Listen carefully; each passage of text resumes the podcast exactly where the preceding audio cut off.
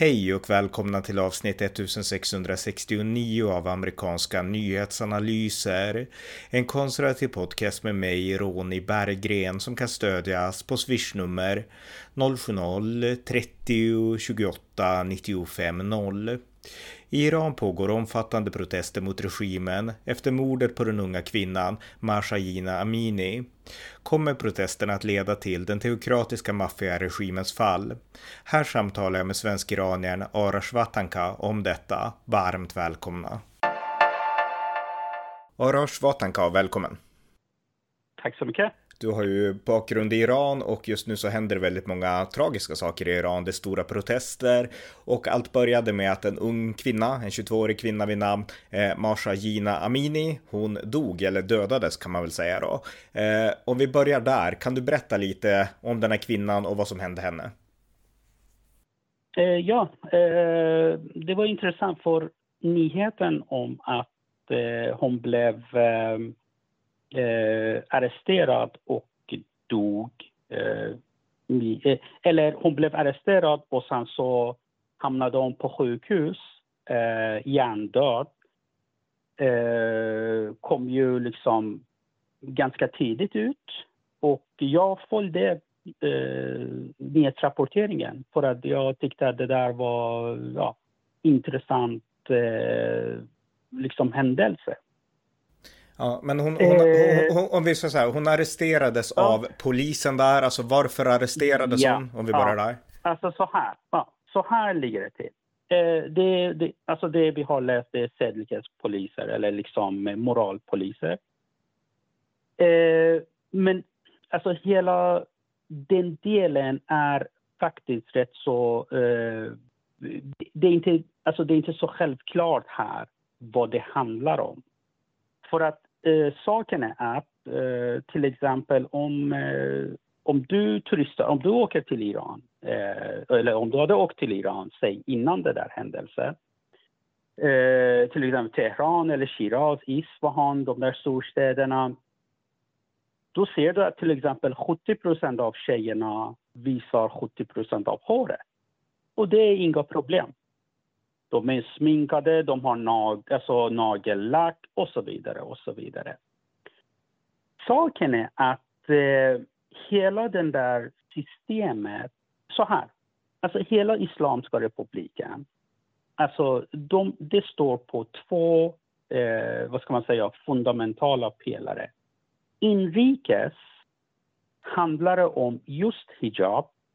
Jag ska säga varför hijaben är så och utrikes handlar om framförallt hatet mot Israel. Mm. Eh, och eh, för utrikes, det där hatet mot Israel, då får de ju massa, eh, vad ska man säga, eh, folk från arabvärlden och muslimska länder som kan hjälpa dem med deras agenda som de har i Syrien, Irak, Libanon, eh, Jemen och så vidare. Och så vidare. Eh, för där är liksom iranierna inte engagerade, alltså iranska folket. De kan, det finns ju generaler från revolutionsgardet sånt där, men de kan inte mobilisera iranier. Okej, okay, nu ska vi slåss för Palestinas sak. Det vet de. Så då är det liksom, ja, hatet mot Israel, då, de kan ju rekrytera liksom. Det finns ju massa andra länder och folk man kan rekrytera. Inrikes, eh, alltså med tanke på att den där regimen Eh, vi, vi, pratar om teokrati och så vidare. och så vidare. Det är varken teokrati eller så. Den där regimen, det är en maffiaregim. Eh, eh, och som alltid med maffia, det finns olika eh, familjer eller fraktioner som samsas och ibland slåss med varandra. Och så har eh, revolutionen varit liksom från dag två så börjar man de där maffiagrupperna, om vi kallar dem det, eh, börja slåss med varandra. Det där med religionen försvann ganska tidigt i det hela. Mm. Eh, och, eh, och framförallt när eh, Khamenei blev ledare eh, för 22-23 år sedan, eh, då var det ju ännu mer eh, det blev just den där religiösa tyngdpunkten i det hela minskade ju ganska rejält.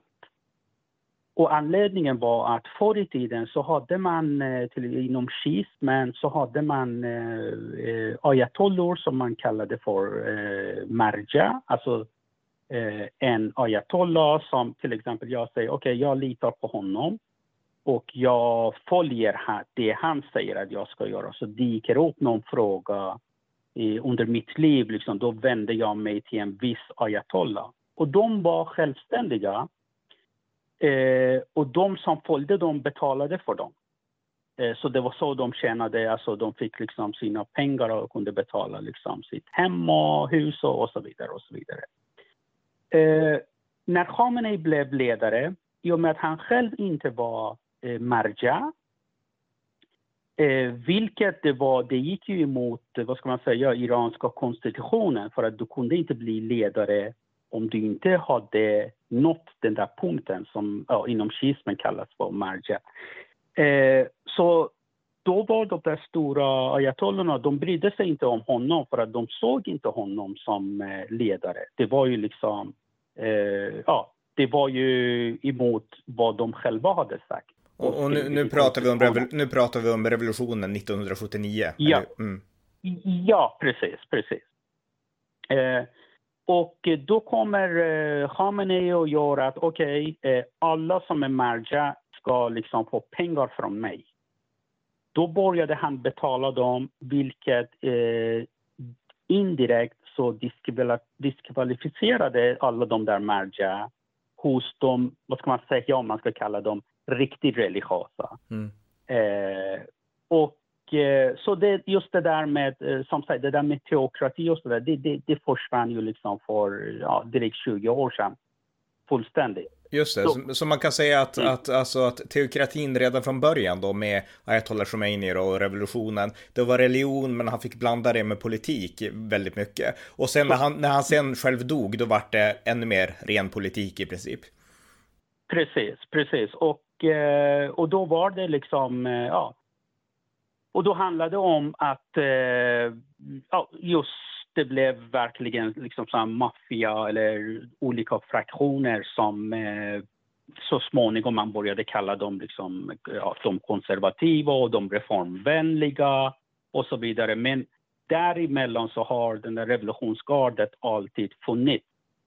Eh, men för att kunna liksom upprätthålla något slags terror eh, för att kunna liksom visa, alltså alla de där, eh, alltså regimen i den formen, då måste du påminna folket på ett eller annat sätt dagligen att det är vi som bestämmer.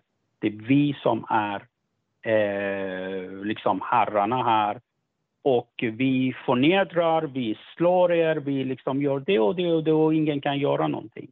Och det där med hijab var ju liksom det bästa sättet att kunna upprätthålla det här och ändå ge det något slags, vad ska man säga, religiös, att okej, okay, vi är muslimer, det här är ett islamiskt land och då måste vi liksom göra det och det och det.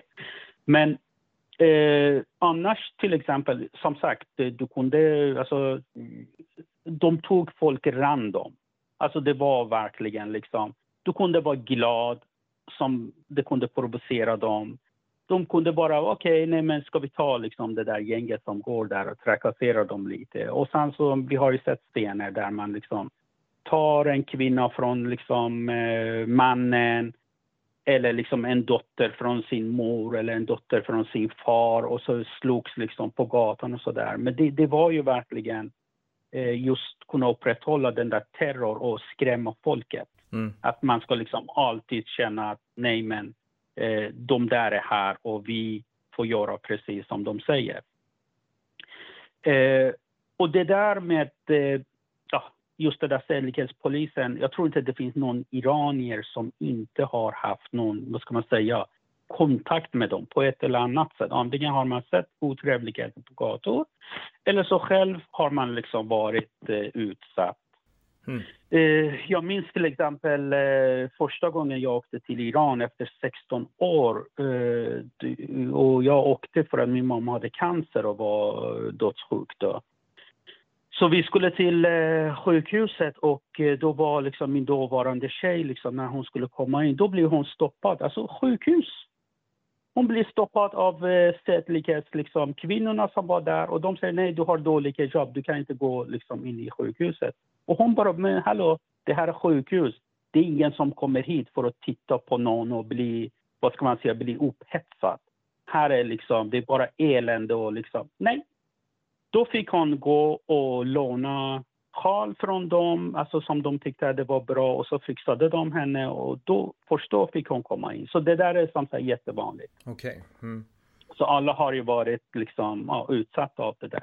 Så det jag vill säga, det, eh, och just det, jag kan ju också berätta det här också att just det där eh, Massa Aminis liksom öde, för det släpptes ju sen filmer. Mm. Eh, för, för, för, om vi, för om vi hoppar fram mm. hit nu då, för att det här var en jätteintressant ja. bakgrundshistoria, men det som hände nu då, det senaste som utlöst de här protesterna, det är att den här äh, massa Gina Amini, hon blev då ja. stoppad av den här moralpolisen och med henne så var de ju mycket tuffare. Det var inte så att de sa sätt på dig hijaben bättre eller liksom så, utan nej, de, nej. de, tog in henne och eh, sannolikt blev misshandlad och sen dog hon. Så att, ja, fortsätt då. Det är, ja precis. Eh, har, man, har man haft otur så har man fått liksom stryk och så vidare. Nej men absolut. Nej, tar de dig in i bilen, mm. då vet man att då är det stryk. Okay. Innan du kommer till den platsen. Alltså det, det är uteslutande. Men, men, men så här då, om jag, bara, om jag bara får, jag förstår, om jag bara får förtydliga, för att det här är intressant för mm. svenskar som aldrig har varit i Iran. Jag menar, man kan ändå säga att mm. Iran är inte som talibanerna, alltså när det gäller liksom straff, mm. kan man säga det? Nej. Nej, precis. Nej, absolut. absolut. Ja, mm. men, men, däremot, om du väl blir arresterad så kan du ändå råka ut för mm. väldigt hemska saker. Fast, fast liksom... Absolut. Ja, okay. mm. Så är mm. Eh, så eh, Mahsa Amini var eh, en kurdisk tjej eh, eh från staden Saqqez. Har varit eh, tydligen, de kom, åker till eh, Teheran och för att turista. Eh, och de var några stycken. Eh, vad polis, polischefen sa tydligen det var såna fyra tjejer, alltså sammanlagt och sex killar av det hela. Eh, det, det, var ett gäng liksom, eh, i alla fall. Så de tar henne eh, av någon anledning, vilket det var hijab. Eh, de provocerades liksom på någonting. Så hon åker eh, till, eh, ja, till den där stället som de ska lära sig hur man ska bete sig och så där. Det är, det är såna här klasser de har gjort, så man sitter där en timme, man går någon kurs eller någonting.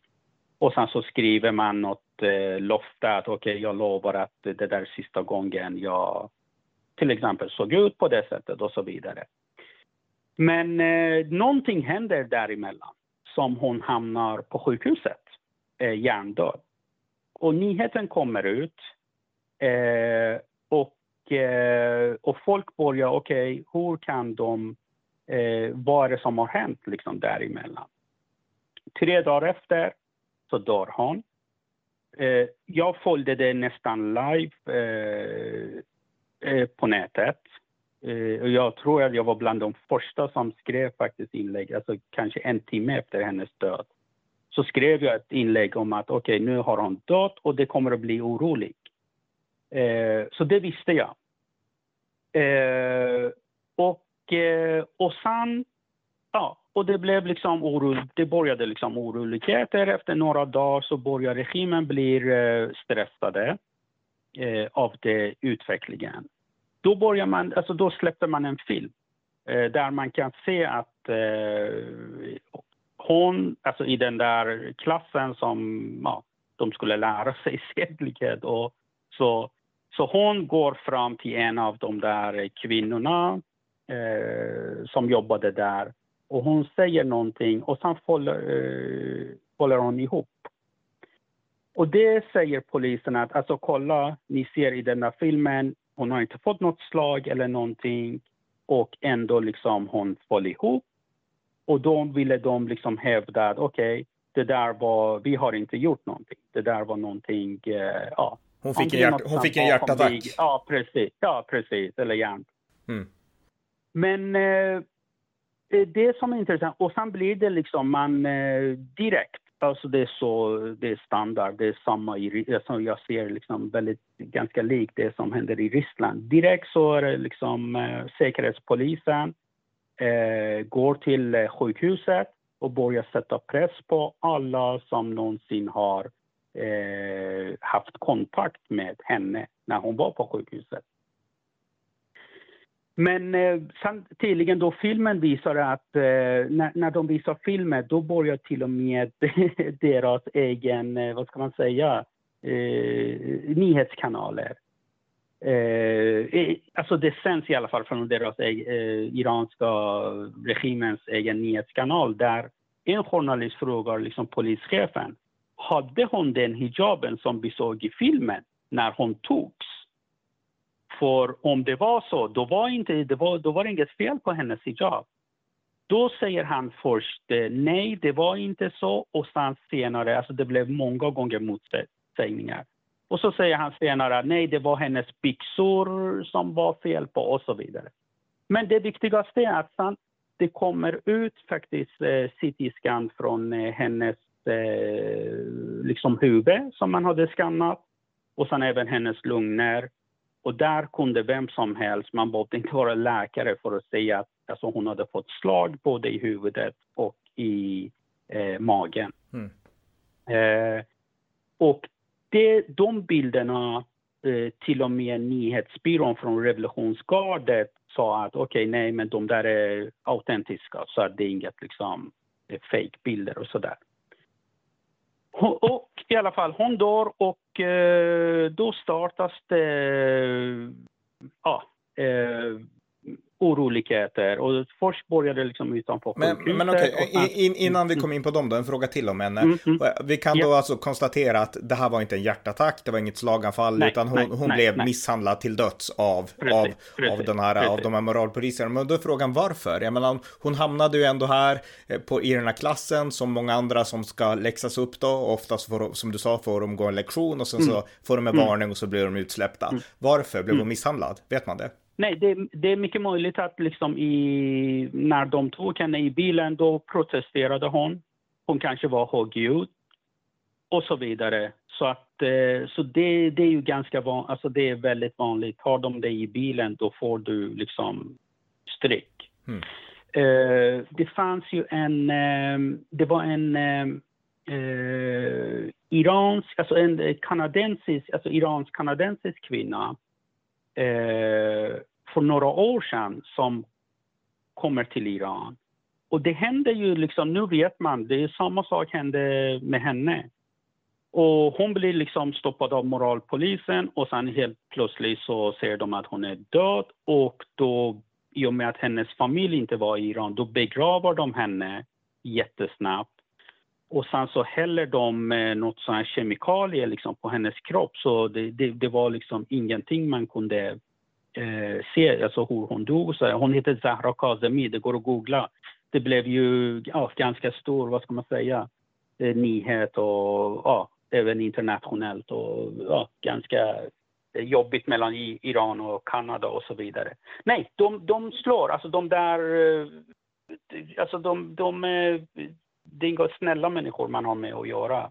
Det är verkligen eh, ja, brutala fascister. Det är ja. inget eh, ja. Jag förstår. Men en sista fråga på det här då innan vi går över till mm. protesterna. Det är, ja. Kan alla kvinnor bli drabbade eller kan det bero på att hon var kurd, att hon var extra utsatt eller skulle en svenska, vanlig blond svenska som kom till Iran, skulle hon ha blivit behandlad på samma sätt eller? Gör... Nej, nej, inte om man, vad ska man säga, inte om man ser ut som utlänning så nej, då är det eh, jag vet att eh, till exempel, jag kan ju också säga att eh, en annan gång, eh, alltså i samma veva när jag var i Iran, då blev jag igen stoppad av polisen eh, när jag var med min tjej. Och då ser jag liksom, eh, då ser jag en annan, en officerare med högre rang lite längre bort. Och så jag vinkar honom, jag bara du kan du komma? Så han kommer, okej, okay. han bara vad är det som händer? Jag bara du, ni säger att liksom eh, vi kan komma till Iran och det är frid och fröjd och så vidare. Och sen när vi är här så trakasserar ni oss. Och så han säger liksom, var, varifrån kommer du? Liksom, jag, bara, jag kommer från Sverige. Han bara, har du något legitimation eller någonting? Så jag visar liksom den svenska legitimationen. Du vet, när han ser min svenska legitimation, han ger den till mig och ger den där polisen, alltså den där soldaten eller vad man ska kalla dem för, som hade stoppat mig, en årfil. Mm. Han bara, varför stoppar du dem? Liksom, låt dem gå. Okej. Alltså det, du vet, det, det Och, är och, du, ser- och liksom du är ändå iranier, ja, men du är etniskt iranier, så du ser ändå Ja, ut som ja, en ja. iranier. Okej. Mm, Precis. Mm. Så att... Eh, eh, eh, nej, alltså det, många tjejer har dött. De har dödat många tjejer som var liksom perser, turkar, kurder. Så det är liksom, det finns inget, vad ska man säga, etnicitet på det sättet. Det, det är det inte. Det är bara liksom, jag menar den där Zahra Kazemi som kom från Kanada och liksom blev mördad. Och, och så Mm. vidare. Så det, det finns ju liksom, det är inte första gången det händer om man säger så. Nej, nej, just Det det. liksom men, men om du kommer från ett, från ett välbärgat utland, om du är journalist eller någonting, då kommer du att klara Mm. det hyfsat bra skulle jag tro. Då. Så att de det, gör, ja, precis. Mm, Ja, de, de de, slår, vill inte ha tjafs med omvärlden. Eh, alltså, ja, nej. sådär. För de är ganska svaga liksom utomlands. Så man Ja. försöker i alla fall undvika så gott det går. Mm. Okej, men om vi, går Inte- vidare, nej, om vi går vidare till protesterna då, och liksom det Ja. som då sen hände efter Masha Jina Mm. Aminis död. Mm. Du vet, man kan ju liksom börja undra, okej, var, varför just i det här fallet blev det så stor? Eh, det jag kan komma på, det är dels att liksom, okej, så här. Det är många som har, alltså till exempel, även om du är, du vet, eh, om min dotter ska gå ut här, till exempel, då jag säger till henne, du var försiktig till exempel om du ska, eh, att du inte dricker någonting som du inte vet vad det är och ja, eh, prata inte med vem som helst och så vidare och så vidare. Det är vanligt, eh, föräldrar som man är orolig. Men i Iran, liksom, det, det första man säger till liksom, sina döttrar när de ska gå ut, man bara du, snälla, var försiktig med hijaben så att det inte, liksom, du inte blir stoppad eller det inte blir någon tjafs och sådär. Så hela, alltså, när, när de tar en tjej, en 22-årig tjej, och sen efter några liksom, timmar så hennes, eh, ja, kli, eller vad heter det, medicinskt döda kropp hamnar på sjukhus. Då är det många som känner igen att okej, men det här verkligen kunde ha varit min dotter. Så det var ju liksom på något sätt, det blir ju någonting som alla, vad ska man säga, för tidigare när man dödar och sådär, då är det ja, kanske i någon orolighet och så vidare och sen blir man dödad liksom. Just i det, i det specifika fallet, då var det verkligen att okej, det kunde ha varit min dotter eller det kunde ha varit jag. Och eh, att just att eh, det är bara för att du är kvinna som du kan råka ut för det där. Liksom män råkar inte ut för samma, liksom, på samma sätt. Mm. Sen är det en annan anledning. Just det där med hijab har ju varit eh, mycket diskussioner om, inte minst liksom på sistone. Att man har ju liksom ja, försökt att protestera och säga att nej, men det, vi måste ju liksom se över den där lagen och så vidare. En annan anledning som eh, jag tycker att det är viktigt, det är just det där systematiska våldet. Att folk liksom känner att okej, men det här är ett systematiskt våld. Eh, det är inget liksom random, det är inte att en polis har varit dumt och gjort någonting. Det, det, är, inte, det är inget sånt. Det där, är, det där ingår i, vad ska man säga, Systemet. hela proceduren, i systemet, precis. Sen en annan grej som också har varit mycket diskussioner på sistone, det är att eh, man har pratat om, eh, alltså de där eh, som sitter i riksdagen i Iran. De flesta av dem, deras barn lever utomlands. Mm. Och inte minst i Kanada, till exempel. Och då är det liksom, men hallå, eh, ni skickar era barn till eh, liksom väst och de har ju liksom, och man ser på deras Instagram och så vidare, det är liksom poolparty, det är sprit, det är Lamborghini, det är liksom, de, de har hur mycket pengar som helst. Och, och, de, har- och de har ingen hijab, antar jag. Då, nej, absolut inte. Absolut inte. Och sen eh, stackars folket som är i Iran, då trakasserar ni dem på det sättet. Liksom. Så det, det, det var ju också just de där diskussionerna om eh, dubbelmedborgarskap eller liksom, ehm, ja, Mm. eh, folk inom regimen som har liksom sin familj utomlands och så vidare. Så det har ju varit, så det var också någonting som eh, provocerade. Mm. Och sen det där med lögnerna. du vet, okej, okay, har ni dödat en så kom och säg att oj, det har blivit fel, vi tar liksom de skyldiga, vi tar tag i det här och sådär. Kom inte och säg att hon hade hjärtfel, hon hade liksom eh, blodförtunnings liksom, problem. Hon hade liksom de där grejerna. Jag menar, de sköt ju ett passagerarplan, den där ukrainska planet, för något år sedan. Mm. Och in i det sista ljög de. Alltså varför ljuger ni? Tror ni att liksom människor i världen är dumma i huvudet? Eller tror ni att folk i Iran är dumma i huvudet? Så sluta ljuga! Mm. Så alla de där, du vet, det blev liksom verkligen eh, ja, eh, droppen som eh, fick bägaren att rinna. Ja, om vi går över på lite det här politiska då, för att det är ju rätt intressant ja. det här med hijab och allting, därför att det var nyligen så var det Irans president Ibrahim Raisi, han var i, han var i mm. FN då, i New York, ja, och då skulle CNN intervjua honom, eh, Christiane ja. Amanpour som hon heter, och då krävde han att hon, eftersom hon var en kvinna, skulle ha hijab, och det här är ju en vanlig mm. västerländsk, och i det här fallet också en vänsterkvinna, så hon sa nej, glöm det liksom, och då blev intervjun inställd. Jag menar, det här visar ju ändå lite grann att de här är ju ändå religiösa, för annars hade de kunnat liksom säga, men det spelar ingen roll för nu är vi, är vi i väst. Men, men det gjorde de ändå inte. Nej, men det är, eh, vad ska man säga, det är mer, eh, alltså det är mer spel för galleria. Alltså du vet, så här, Islamska republiken, alltså de där mullorna, mm. de är beredda att göra vad som helst för att få behålla makten. Alltså om de visste att, om de visste att, okej, okay, om vi släpper hijaben idag, då blir det frid och fröjd. Då kan vi liksom ha makten två eller fem år till. Då hade de gjort det. Så det är inte så att oj, nej, om det, jag kommer att se... Alltså jag menar, när han är i New York, när han står och pratar i stolen, alltså talarstolen där.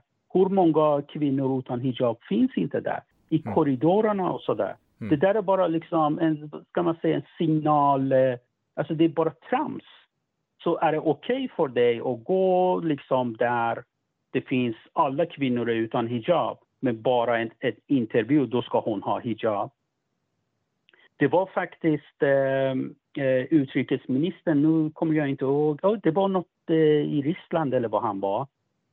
Då sitter faktiskt eh, den där ryska journalisten eh, med hijab och intervjuar honom. Men grejen är att då, var det, då kommer det en bild lite som hade zoomat ut lite. Då stod det liksom massa kvinnor utan hijab precis bakom eh, så journalisten som intervjuade honom. Mm. Så det, det är liksom, ja, det, det, där är bara, ja, det är inte så att det, han verkligen, hade han verkligen trott på det här, okej okay, det här är min absoluta eh, övertygelse att nej, jag ska inte, då skulle han inte gå till New York. Mm. Då skulle han inte liksom, eh, ja, så att, eh, men det var bra av Amanpour. Jag gillar inte henne annars faktiskt. Men i det här fallet så, ja, all heder. Det var bra. För det, vad skulle han säga? Han skulle bara sitta och ljuga precis som han gjorde i FN. Liksom. Ja, ja, precis. Eh, en, en, en, en, annan person som också är ganska känd är den här, eh, hon bor väl i väst i USA tror jag, men den här iranska människorättsaktivisten Mashi eh, Alinejad. Ja. Precis. Ja. Eh, mm. Och eh, hon har ju, hon har kritiserat Ann Linde bland annat. Hon intervjuades av journalisten ja, Pelle Zackrisson häromdagen och hon, eh, ja. hon är väldigt kritisk till vår utrikesminister Ann Linde då, därför att när Ann Linde besökte mm. Iran 2017 mm. tror jag att det var, då hade ju hon och hela ja. hennes följe, Stefan Löfven var ju där mm. också, mm. men då hade de hijab mm. i alla fall för att liksom visa att vi respekterar den iranska republiken. Har du några tankar kring det, kring Sveriges agerande?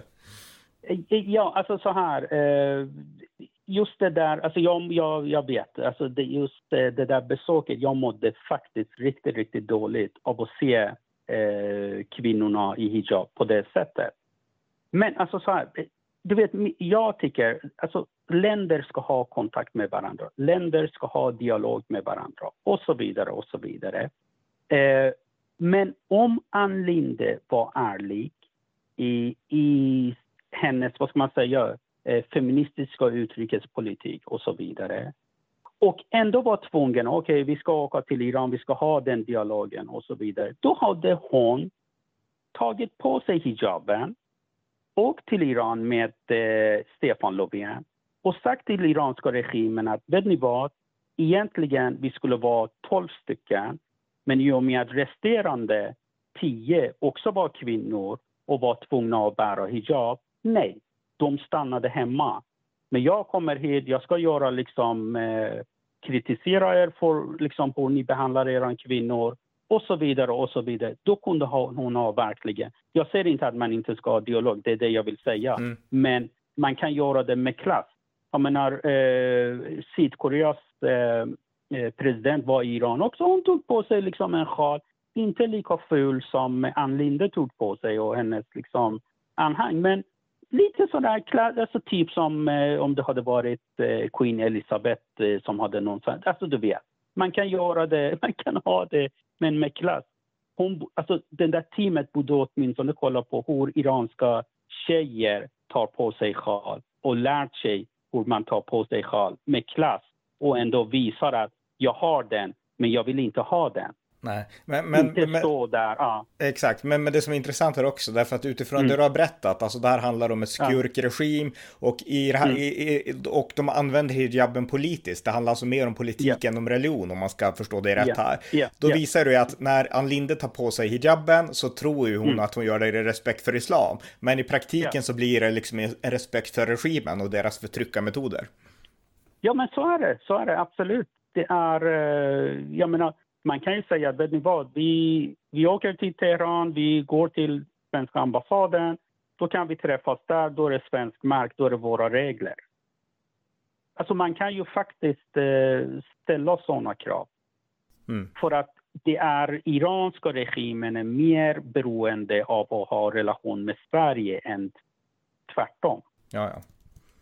Så att, eh, så nej, hon har inte gjort liksom, alltså nej, det var, jag, som sagt, jag, jag säger till folk eh, som ska skriva i mitt flöde, jag var snälla, lägg inte de där bilderna liksom i kommentarsfälten. För jag mår dåligt när jag ser dem. Alltså jag mår verkligen dåligt. Mm, jag försöker googla, nu hittar jag det inte så att jag kan mm. missta mig här så att ni som lyssnar vet det. Men jag har för mig att det var en iransk representant på besök i Sverige och då skulle han besöka om det var regeringen eller, riksdagen och där var det någon staty med liksom kvinnobröst och då täckte de över det innan han kom dit för att han inte skulle ta anstöt. Ja. Jag kan minnas fel, jag vet inte om du minns det här, men, men det var ju... Ja, det är någonting nu när du säger det, det är någonting jag, ja, det är någonting som, eh, ja precis. Ja, men, men ja, det, det, nej, är ju, det, det är ju samma form av undergivna beteende, ja. Liksom fåniga beteende från Sverige. Ja, definitivt, definitivt. Jag menar, alltså, skulle han bli upphetsad då, då, är det, då behöver han verkligen eh, hjälp. Liksom. Det är ju... ja, ja, precis. Det är ja. så, ja, vad ska man säga? Ja, ja men i alla fall. Mm. Nu har det varit eh, oroligheter. Eh, även i, igår så var det oroligt på många städer. Eh, och eh, det, det, den här gången är alltså annorlunda på ett sätt som vi aldrig har sett. Eh, och det som är intressant, jag kan ju ta det där religiösa perspektivet. Vi kan ju ta det. Mm. För att eh, det finns ju faktiskt religiösa människor i Iran också, det är inte det jag säger. Det finns här muslimer som är liksom, ja, tror på islam som, vad ska man säga, den fina religionen och så vidare. Eh, det har ju varit liksom, alltså varje dag. Det, det där är första gången som händer i den 43-åriga eh, islamska revolutionens historia.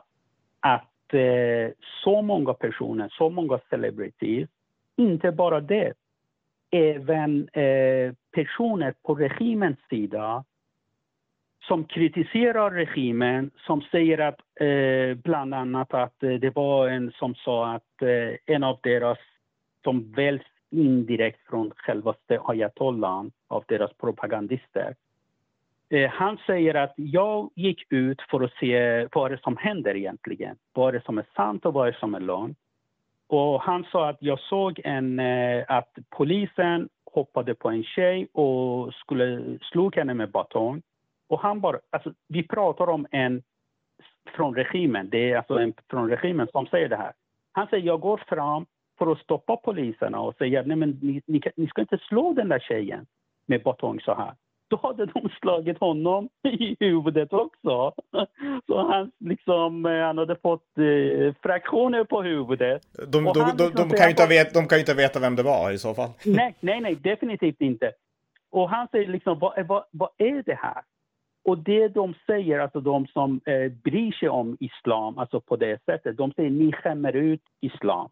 Det ni gör, det, det är att ni får folk, det, och, och sen var det en annan ayatollah faktiskt, en högt uppsatt, som säger att alltså de svordomarna eh, profeten och hans familj har fått under de där dagarna, det har, det, det har de aldrig fått liksom under 1400 år. Så sluta med det här. För att det enda ni gör, ni gör bara att liksom folk blir mer och mer avskyr religionen och så vidare och så vidare. Så det där är liksom internt så är det väldigt stor splittring nu. Ja, men det är intressant. Eh, men, men får jag skjuta in en fråga ja. då, för, som har att göra med just religionen. Eh, alltså när polisen gör så här och den iranska regimen, mm. trots att du säger att det är mest politiskt och att religion är ett mm. spel för gallerierna, det gör ändå att folk börjar avsky religionen mer och mer, islam. Mm. Jag vet inte om eh, iranier kan avsky mer än vad de redan gör, men eh, i, i alla fall, de tro, även troende börjar ju liksom, eh, alltså Alltså då, många av de troende har redan ju vaknat och säger att okej, okay, politisk islam var det värsta som hände i islam i Iran och så vidare. Eh, men även de som tjänar direkt pengar, alltså de som har verkligen lever på den här regimen, börjar ju liksom känna att oj, det, det, här, det här håller inte. Det är, liksom, det, det är lite där eh, ja, mm. regimen är. Och jag måste ju nämna, just det, det är också en... Du vet när George Floyd, när det där hände med George Floyd i USA. Mm. Det tog ayatollah två dagar för att komma och prata en timme om George Floyd.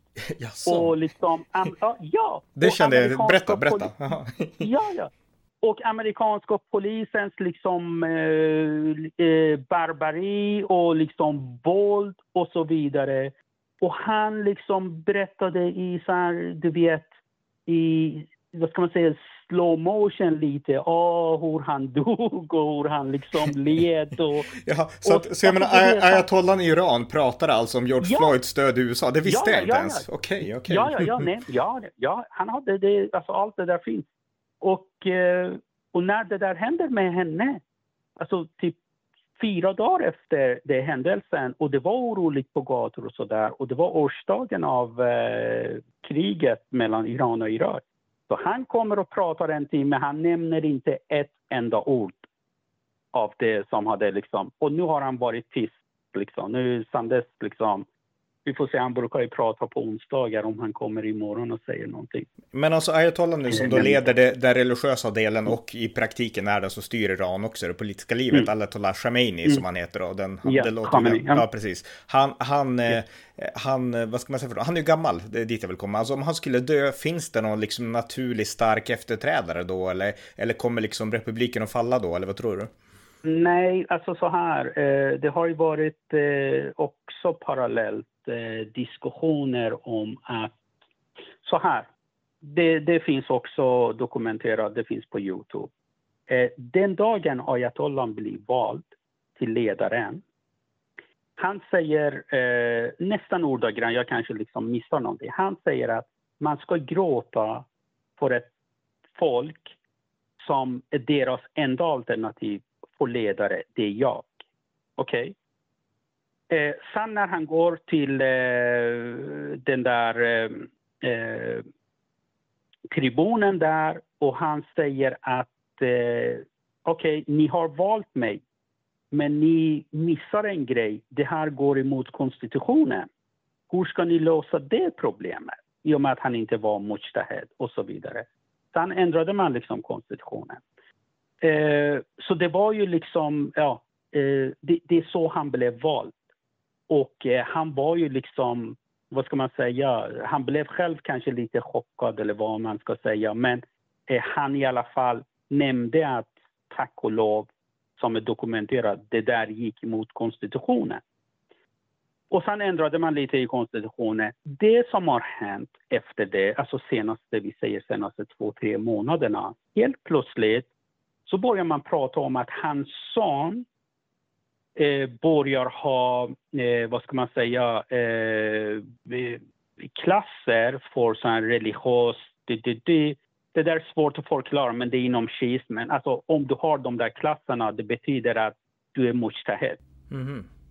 Och sen har han startat liksom de där klasserna. Och så börjar liksom eh, folk viska, aha, vadå, ska de ta in honom? Är det det de förbereder? Och så börjar just det, och sen är det några som börjar prata om Imam Mujtaba, alltså hans Mm, son. hans son, okej. Mm, mm. Ja, precis. Och man bara, vadå imam? När blev han imam? När blev han mujtahid? När blev han liksom det och det och det? Så man börjar diskutera. Och sen eh, den eh, premiärministern, alltså Khomeinis första premiärminister Mousavi som eh, sedan 2009 sitter i husarrest. Han eh, kommer med ett liksom, eh, han säger att hallå, eh, om du ska sätta din son efter dig då är det liksom, jag vill varna dig för att folket har gjort revolution för att ta bort shahen, alltså kungariket. Mm. Och ska du göra samma sak, att det ska liksom makten gå i arv. Så han varnade, så de där diskussionerna har funnits. Men det finns, alltså det, så här. Han har ett stort problem, ayatollah. Och han har inte, eh, det är hans största bekymmer, det är inte vad som händer i Iran faktiskt. Hans största bekymmer är när han dör, vad händer efter honom? För han vet att han, han är inte lika stark, alltså han är inte en tusendels lika stark som Khomeini var en gång i tiden. Men när Khomeini dog, då dödade man hans son. Mm. Man förgiftade honom. Så han vet om man kunde döda hans son, då är hans söner och familj inte skyddade. Han hade en garanti, han hade en försäkring, men den försäkringen tog Donald Trump bort. Alltså Soleimani. Det var hans enda, vad ska man säga, eh, försäkring att okej, om jag dör, då finns det någon som skyddar min familj. Jaha, så, så Soleimani, den här generalen då som dödades av USA, Precis, han, han var en beskyddare precis. av ayatollan och familjen? Ja, ja, ja, ja, ja, det var ju liksom hans, ja. Så nu är det liksom, jag menar revolutionsgardet, du kan inte lita på dem. Okej. De okej. själva inte litar på varandra. Alltså vi, vi Det, för att det är en maffia. maffiakultur. Mm, mm. Ja. Så att, eh, så det där med vad som blir efter honom och hur makten ska liksom transfereras och, så vidare, det är en stor fråga som eh, ja, ingen vet faktiskt. Och det börjar ju bli panik. Ja. Men, men hur tror du att, om vi nu hoppar tillbaka till det som händer nu, protesterna och så, Mm. och, och sådär. Ja, alltså kommer det här att leda till någonting? Alltså vi har ju den här gröna revolutionen 2009, ledde ingenstans. Mm. Alltså finns det någon potential att det här blir annorlunda än alla tidigare försök? Det som ger hopp den här gången, det, det är dels att eh, ja, eh, alla celebrity faktiskt har alltså, lagt sig på folkets sida och kritiserar det som händer.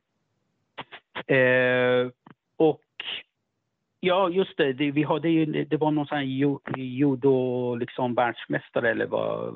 Jag är jättedålig på, eh, vad heter det, idrott. Det var i alla fall någon världsmästare, det var inte länge sedan. Han vinner en guldmedalj och han säger att det där guldmedaljen liksom det är till ayatollan och eh, Soleimani, alltså eller martyr Soleimani och så vidare. Till och med den eh, idrottsmannen säger, vet ni vad? Jag sa fel, jag gjorde fel. Jag har ingenting med den här och de där folk och regimen att göra.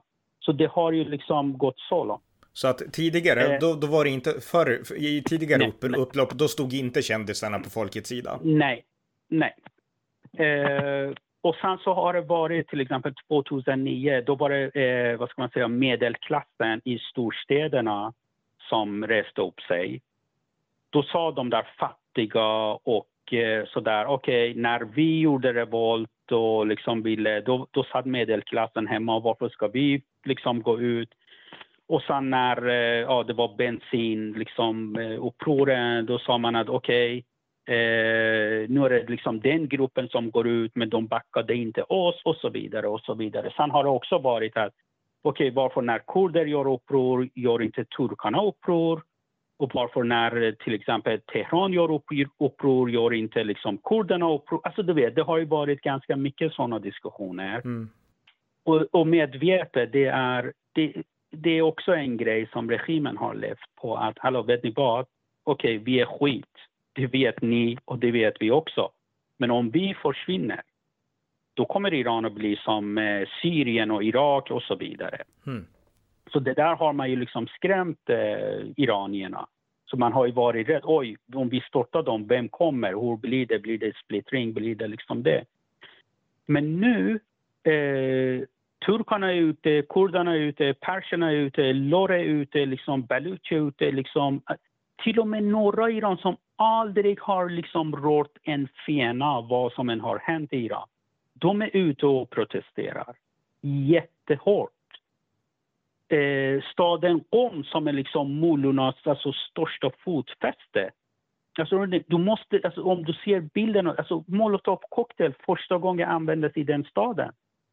Som man kastade liksom mot eh, den där revolutionsgardet och brände upp liksom. Alltså du vet, det var ju... Det, det, det, har aldrig skett i om förut då eller?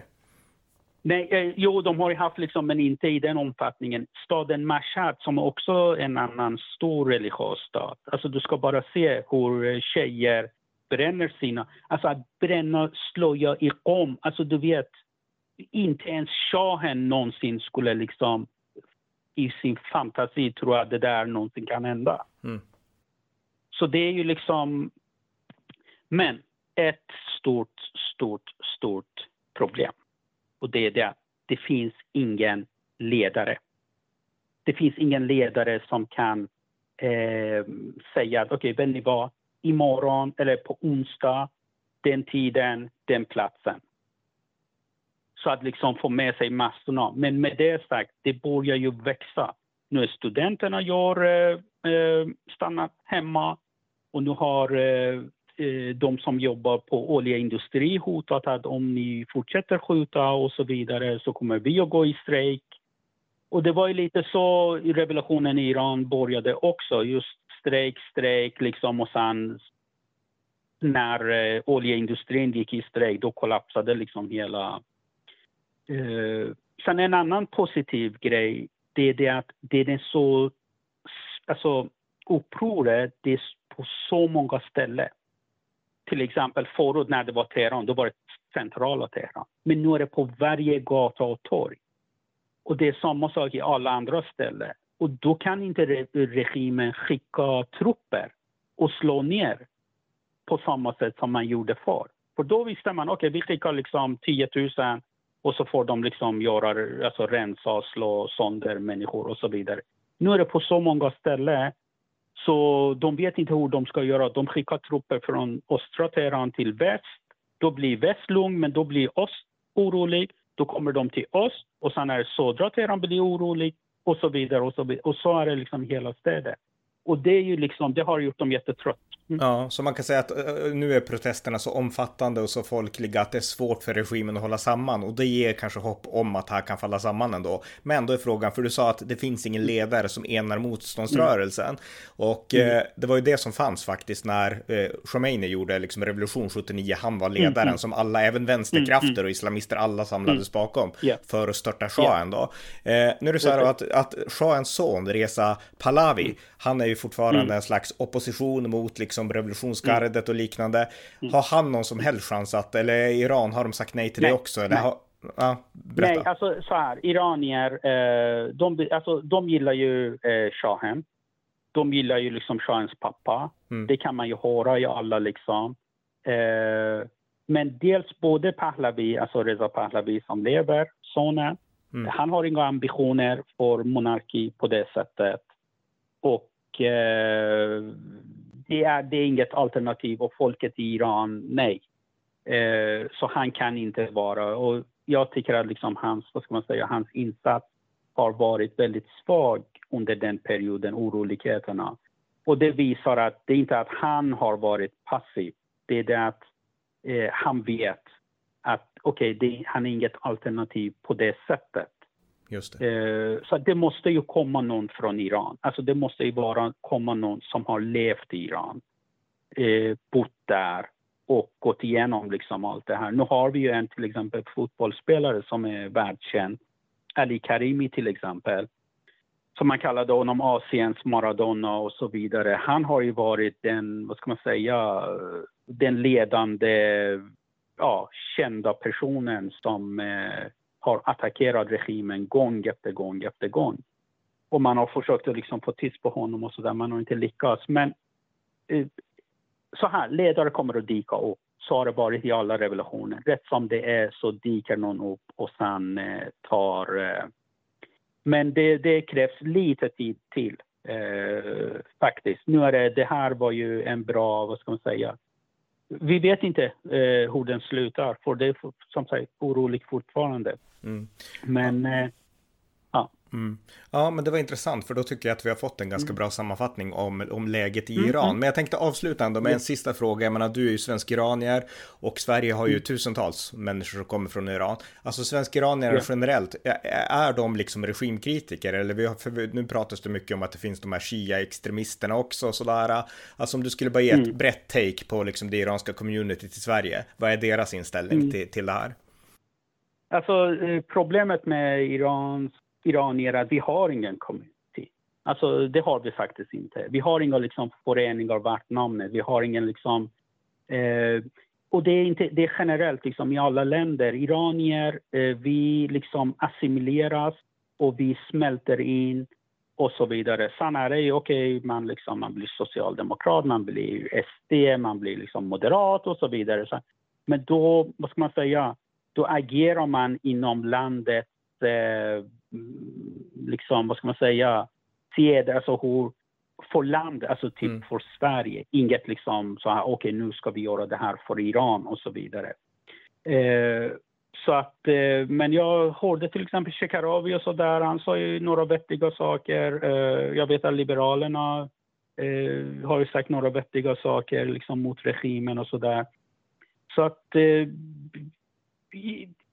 jag vet inte hur jag ska svara på din fråga, men så här, vi kan inte göra någonting för dem förutom att få, till exempel, i de länder vi lever, eh, få det folket i landet att eh, bilda opinion och sätta press på sina regeringar.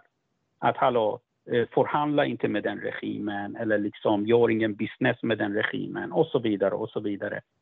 Men vi som är ute, vi kan inte göra så mycket på det sättet, även om vi skulle liksom organisera oss. Så vi kommer inte att hitta någon ledare liksom här mm. ute. Nej, det finns det. inte. Det har inte liksom, vi har inte hittat det på 43 år. Vi kommer inte att hitta det liksom närmaste åren heller. Nej. Att, eh, ja, ja, men det var intressant. Då förstår jag. Men mm. tack så mycket då för det här samtalet. Du, tack eh, för att eh, jag fick vara med och eh, berätta lite vad, om vad som händer i Iran. Ni har lyssnat till amerikanska nyhetsanalyser. En podcast som kan stödjas på swishnummer 070-30 28 95 0 eller via hemsidan usapool.blogspot.com på Paypal, Patreon eller bankkonto. Skänk också gärna slant till valfri Ukraina-hjälp. Det var allt för denna gång. Tack för att ni har lyssnat.